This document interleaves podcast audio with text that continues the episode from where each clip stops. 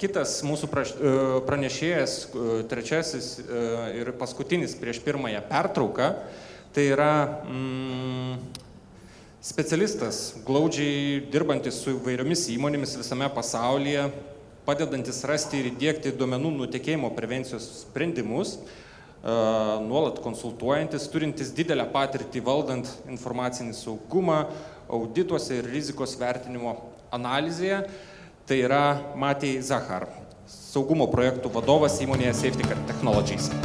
Welcome.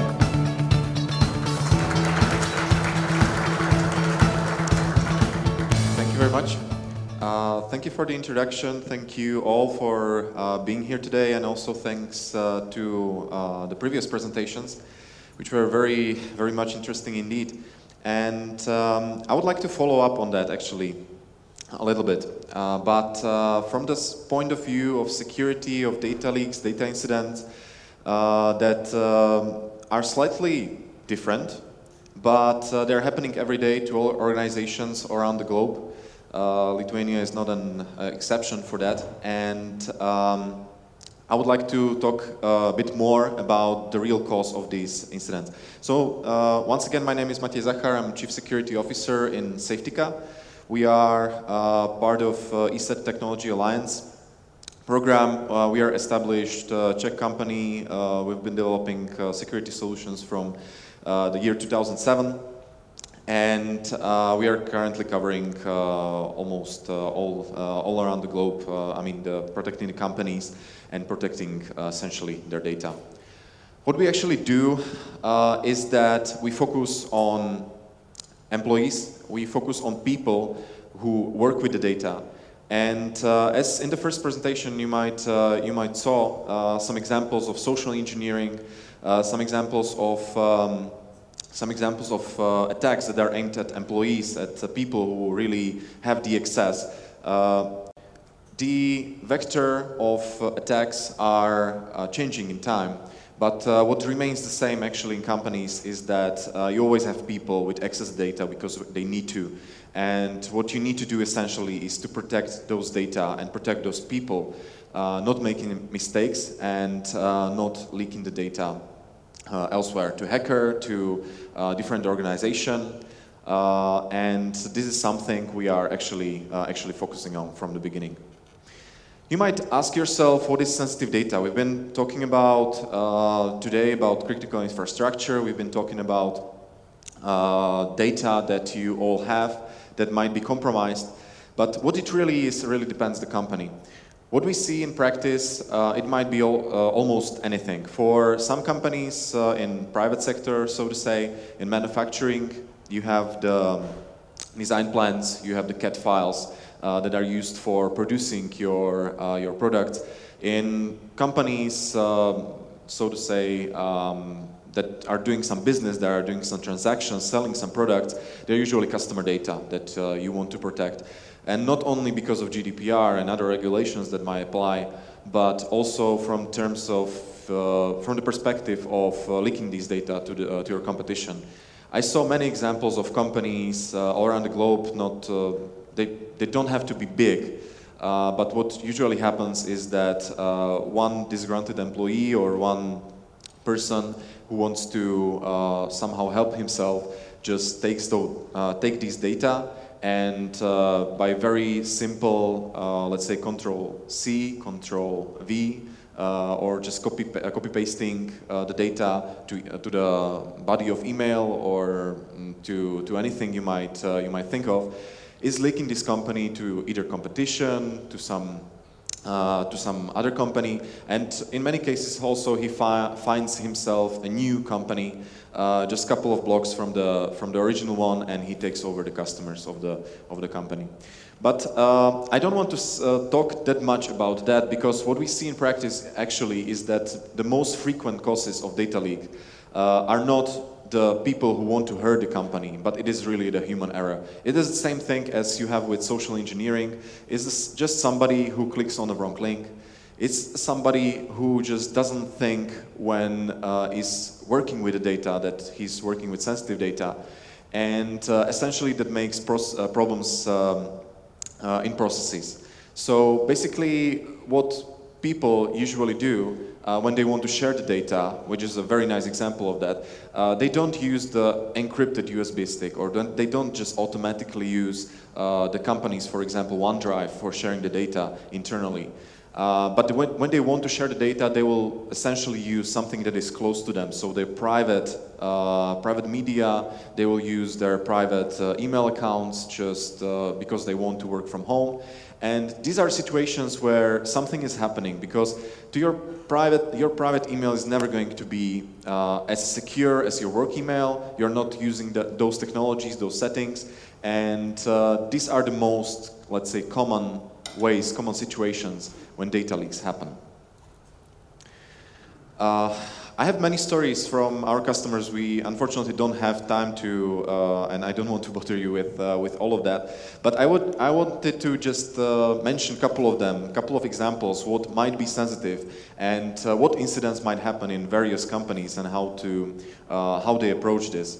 So one of our uh, big customers actually in um, in Latin America is called Consejo Superior de la Judicatura.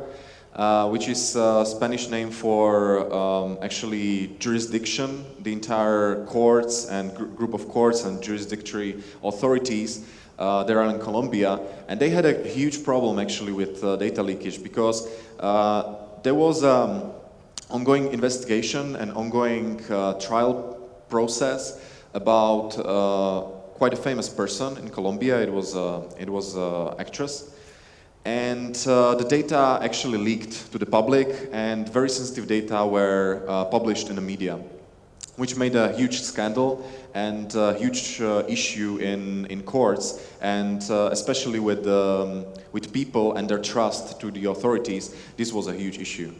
So, what we actually did for this customer uh, in particular is that we protected the, the cases that were uh, undergoing investigation. The other example is uh, for is a manufacturing company that is uh, autom- like creating automotive parts. It's called Lightens. Um, it's one of our customers uh, based in Canada, but uh, with uh, branches all around the world, where we are protecting actually uh, CAD files, meaning that we want to protect the we want to protect and we are protecting actually the, the most sensitive data they had because they already had some, uh, some issues and they already had the risk assessment done and they saw the DLP as, uh, or like the approach to protect the data as the most important, uh, most important part of security. We have also uh, customers in finance, we have also customers in uh, hospitals. In finance and hospitals, it's most probably you are going to uh, find the need of uh, dealing with data security because of GDPR, because of uh, other regulations, such as uh, this one, in, because the Burgard Memorial Hospital is based in the US, they have a similar regulation called HIPAA. And these are stages or these are information you need to protect by the law. We, are, we know, all know that uh, the GDPR is already in place, so the effective protection of personal information is very, very important, uh, very important to focus on. Uh, the last example I wanted to uh, talk about is General Inspection of uh, Security Forces. It's uh, actually a Czech name because it's a Czech institution where we are focusing on protecting the uh, protecting the uh, data that are actually sensitive. They are very sensitive because they are investigating. Uh, let's say they are good cops watching bad cops. Uh, so they're investigating on uh, incidents in in police and in security forces such as firearms and an army, and they are actually taking care of this. So the protection of data for them is also the essential part, what, uh, what they need to focus on. How we approach this problem for companies is actually uh, in three quite simple steps. Uh, we usually start with audit because for companies and for institutions that uh, are, let's say, approaching these this problem of data security and uh, essentially the employees and uh, their behavior, how they're working with the data for the first time, uh, they usually don't know where the data are. They usually don't uh, really know what data they should protect. So we usually start with audit. And it works in very similar as uh, with the test that uh, you've seen on the social, uh, social engineering, uh, that you can send emails to your, uh, to your employees and watch the response rate. Uh, we're actually doing the same, but focusing more, focusing on more on employee behavior in terms of in terms of their behavior with the data, how they are handling the data on a daily basis. And what we see in 99% of cases is there is an issue. Um, we have uh, some, some examples I, I, I, wanted to share with you. Uh, for example, sperm donor lists on private flash drive in one, um, one uh, private hospital that was dealing with, uh, well, let's say, um, well, they were sperm donors, so, so they were uh, dealing with pregnancy and helping uh, women get pregnant. And uh, this is essentially a problem because the private flash drive, if it's not uh, encrypted, it might be lost. It they get stolen every day. And if this data leaks, uh, according to GDPR, you have to report it. You are responsible for it, etc., etc. I think I don't think I need to explain that to you.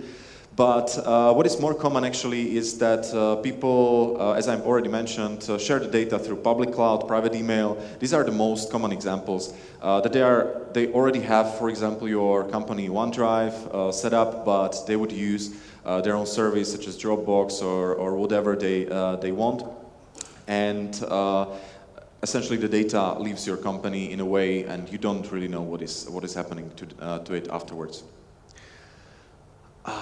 So uh, what we, how we do it is actually that we start with uh, just assessment uh, of the data leakage channels. So we take a look in this particular company, we can see that the cloud drives are the, the biggest issue. You can see the USB sticks are the second biggest issue. And uh, you have very easily and very, very fast uh, after that uh, after you see this, you have very easy uh, alternatives and priorities and security essentially. What you should protect first, how you should behave, and what channels are the most critical for uh, your company uh, in particular because uh, they are uh, used the most.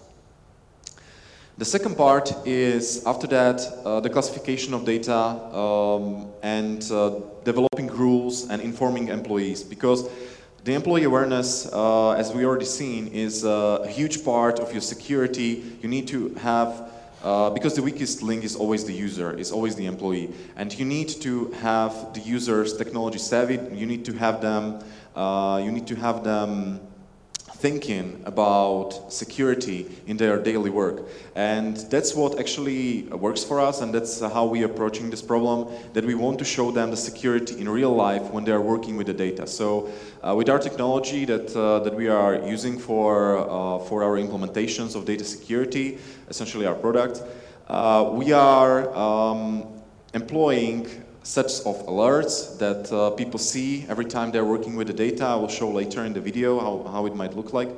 And uh, the technology itself then allows uh, company to focus and to inform the users uh, that something that they are doing is, uh, is not correct and uh, that they should approach, the, for example, the problem of data transfer some, some other way. Then we start with uh, very simple rules, uh, and with very simple rules, I mean, uh, usually don't want your, uh, your employees to share the sensitive data via Skype, uh, or you want them uh, to use Skype, but only the business version, and that would be the only, uh, only uh, let's say, messaging platform you want to use because uh, you know that it's secure, because you know it's business-based, you know where the data, uh, where the data are, or you might be using Teams for Microsoft, so you, so you want uh, people to get uh, adapted for it, you want them to share the data by this means. So we want to follow this, and actually, what we implemented in in last couple of versions uh, of our products uh, is that we are able to control and enforce the sensitive data and uh, sensitive uh, data flow uh, for a couple of clicks. So uh, very easy setting that we usually do in the beginning. instant messaging and des desktop applications, we want to forbid them because we want, want, them, want the employees to use this one. one way for sharing the data that is allowed by the company, for example. Then the last part is setting up the security policies and restrictions Um, what I have not mentioned in the beginning uh, when I was talking about these examples is that uh, this might be a uh, this might be a process that uh, takes some time.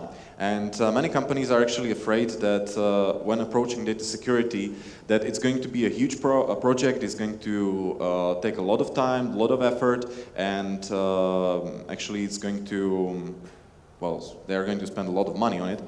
But one nice example, or well, we have a couple, but one nice uh, example was actually uh, one of the logos I was uh, sharing with you, uh, and th that was the company First Atlantic Bank, uh, because they needed to implement DLP actually in two days, uh, because there was audit undergoing after um, after some some security setting they had. And uh, so we actually had engineers going there, implementing uh, some, some DLP uh, rules overnight. It's actually a bank that is situated in South Africa. And um, the first set of rules and uh, very simple policies, very simple rules uh, can be set up very easily in uh, actually in a couple of hours. We had also another uh, other examples of, uh, of companies where we uh, where we implemented the the very simple and the most let's say straightforward policies. For example, for sharing army data, data about tanks. Uh, I can't name this company, uh, this company that uh, we did this in particular, but it was actually one, uh, one week implementation where we implemented uh, the DLP policies just around the most sensitive data they've been, uh, they've been working with. So this, this is what, what we usually do to set up the policies for the most restrictive data first, so they are protected, and then you can focus on, on the others. So, I would like to show you how it works in, in reality. Uh, so when you actually work with the policies that we that we set up on uh, on the endpoints, and uh, you have the policies in place, the client itself or the agent of Safetica uh, watches and follows uh, how you work with sensitive data. So we know that this data contains personal information, and this so this document is automatically protected. As you can see, you have many rules that are applied, and when you work within the document, you can work as, as always.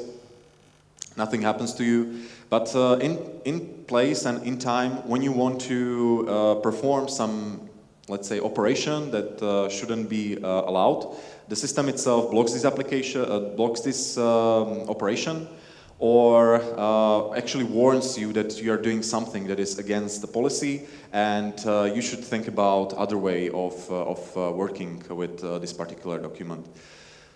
The, the document itself is uh, protected or the, like the, let's say the piece of data, whether it's just an email body, whether it's, whether it's data in document, whether it's um, data in, let's say, CRM system or wherever, and uh, when you make this typo, when you make this mis mistake, and you, for example, want to send the data to, uh, to your competition instead uh, of uh, inside of your company, the system itself warns you and uh, tells you to rethink the action. And that, that is essentially the informing and educating the users in practice when they are working uh, with the data. Uh, yeah, the system itself holds its protection, so whether you rename the document or whether you, uh, I don't know, change the extension or whether you uh, change the content, uh, it still holds the same level of protection. And uh, the system itself actually doesn't have to be just restrictive, as you can see, uh, that we are actually blocking most of the actions. It's just for the sake of demonstration. Uh, but the system itself also can uh, work in completely silent mode where it just uh, logs all the actions, uh, all the, let's say, uh, all the uh, policies that are um, that are not being followed and then sends the information either to console or to your email or to, to any other um, well, media that you're using, whether it's a SIEM system or, or SMS. And uh, as I already mentioned, the, the setting up of the protection is, uh, as you can see, is just like a couple of, a couple of settings, it's a few clicks. And you can see all the information in the console, and the console can be shared uh, through the enterprise. So, uh, like uh, you can you can introduce the console to uh, to your managers for the specific specific departments, and they can have the rules applied, and they can they can uh, for example, view how their uh, how the employees in their uh, department are actually uh, handling the data. Yeah, some demonstration about about the mobile platforms, just to just for you to know that we are also focusing on on mobile media.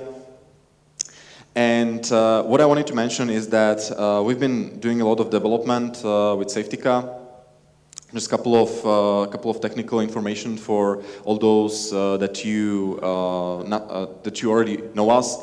Uh, we've been developing uh, the data, protection so it's faster, more simple. Uh, so as I already as I was already showing, the data protection can be set up in just three clicks. Uh, we support MSP enterprise accounts. We've been always supporting enterprise, but uh, what we are actually working on is uh, extending the feature set and extending the, the compatibility, let's, let's say, with uh, other enterprise products that we see that are already there in the environment. So whether you are, for example, already using network DLP, uh, for example, from Fortinet or for, uh, from whoever. Uh, we want to be uh, com compatible, we want to be complementary, we don't want to be competitive. So we are adapting and we are extending the feature set that you have in network DLP space or that you have already in your Azure Information Protection, uh, if you are using Microsoft technologies or uh, whether you are already using RMS solution, we are able to actually be compatible and to work with those solutions. So the entire, uh, let's say, security stack that you have, uh, security portfolio that you have implemented uh, works together as, uh, as a whole. We're constantly working in improving our content technology. So what you already, what you actually saw uh, that we already have. We are improving that in, in every version. And um, I've already peeked into the questions, and I see the first question is kind of trick, uh, well, tricky and not tricky in the same time, but uh, we are also GDPR compliant. Uh, meaning that you can use our solution uh, in ethical way. Uh, we have sets of recommendations, we have sets of, uh, sets of rules that uh, we recommend to implement. So you are ethical on and transparent to employees, and in the same time you're safeguarding the data and safeguarding the, the most important values and assets that your company has. And also it integrates better. So, uh, well, that, that is just uh, the, the, uh, the information that we are working on backend as well, and we are improving the performance, we are improving the compatibility, and uh, we are uh, working on um, even having even less impact on the environment uh, as, as we do. I already, uh, I've already shown this example. What I wanted to tell you about is that uh, I was talking about compatibilities with, uh, with third-party technology. This is one example. so if you are already using some third-party classification, for example, Azure Information Protection has, from Microsoft has one, we are able to actually have this information and um, and uh, adapt these policies to the data you have already classified. Yeah, uh, I've already covered uh, all this. So we are able to manage complex systems. We have uh, support of a multi-AD. These are more like technical questions. What I, what I wanted to mention is that, uh, I, I, mean, to the end, is that um, we already have uh, many customers that we helped in uh, here in Lithuania. Uh, there are governmental institutions, there are uh, companies in healthcare, there are uh, private companies. And uh, if you want to see some examples or, uh, or get to know more, we are going to be uh, on the stand the whole day. So just don't, don't hesitate and get, get touch with us.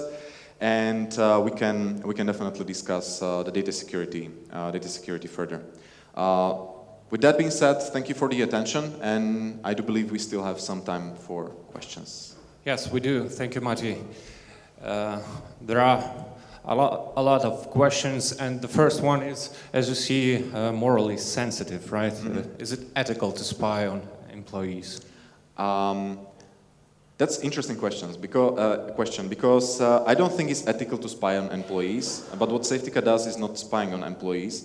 Uh, it's a security audit that you can perform uh, in, you don't have to monitor your employees all the time, but the security audit is actually one of the, um, one of the things that you are allowed to do by law, but even by GDPR, because uh, actually collecting logs for security reasons is your legitimate interest as employer for securing your data. So it is ethical, it is legal to use some auditing tool where you, you are using the auditing tools anyway, you know, because you are already collecting logs in your uh, Windows system logs, you're already uh, collecting logs on your firewall and um, these data can be used. It is not legal to spy on employees, so you shouldn't like peek into the data and then confront with the employee that he's been uh, looking on pornography. That's not ethical. I don't think that's ethical, and we definitely do not uh, enforce that. We don't recommend that. We we really distant from this behavior.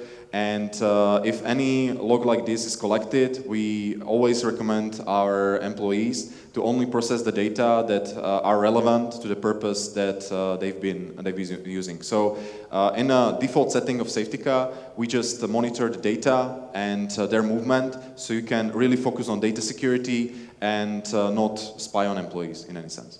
Yeah, thank you.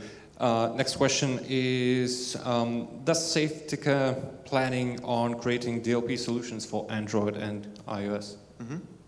Uh, yes, we already have a solution for Android and iOS. It's uh, somehow limited functionality in terms of DLP. We are able to audit uh, the applications. We are uh, able to audit the security settings of, uh, of the particular device. So, for example, if you have the password uh, enforced, if you have this, uh, the encryption turned on, etc., etc., there is also anti-theft feature. Uh, but uh, there is it's well, definitely it's not all. So we are actually adding new features uh, every two months. We have two months releases. So uh, you can expect uh, in very near future that we will extend this uh, feature set also uh, also for uh, I mean the feature set they're used to from Windows devices also to these mobile mobile mobile operating systems. Okay, thank you. next one. Uh, can your software protect uh, from technical, not human-based data leakages? Um, I'm not completely sure I understand the question, actually. Um, well, it is as it is. Uh, I guess it uh, has to do something with uh, human interfering.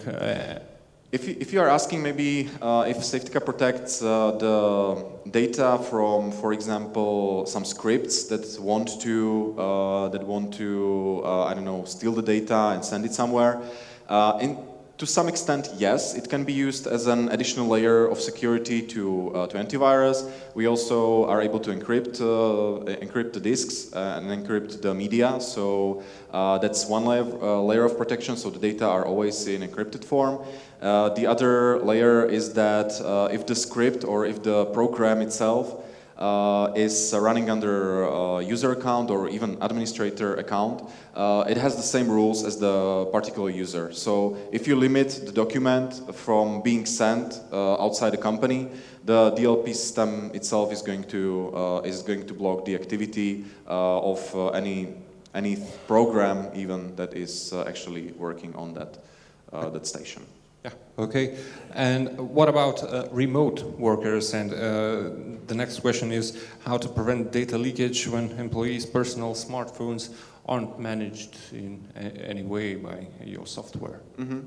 uh, well, you can always. Uh, there is actually like a separate field of products that uh, that focuses on that, and that's uh, enterprise mobility management, well, EMM solutions or that, uh, that are able actually to uh, focus on the problem of mobility, the problem of uh, remote working, and the problem of secure sharing of documents outside the company network. So we don't want to be really competitive with them. We want to be compatible. So as, as I already mentioned, we are complementary. We can, and if the company really has the remote work using smartphones as a, as a standard, we can definitely make like a joint implementation that the data are protected everywhere everywhere. Yes, thank you. Uh, why Safetica does not collect evidence? The question is. Um, Safetica is collecting evidence in terms of logs. Uh, so you can set up the policies in a way that uh, it, they collect logs of uh, all the all the data and all the data movements that happen in the company, how employees are handling it, and you can definitely uh, use this data for uh, as an evidence for uh, either your in internal logs or uh, as a base, for example, for reporting the incident uh, to uh, data protection authority if it's related to personal data. Okay, and one last question someone in the crowd wants to be a beta tester. And uh, the question is, will he get a free, he or she will, will uh, it, him or her get uh, yes. a softer, beta version? Uh, yeah, we have the program open, so just like uh, contact me, and uh, I'm going to be here all day, and uh, we can definitely talk about it. Okay, thank you. Thank you very much. Give it up for Matej Zachar.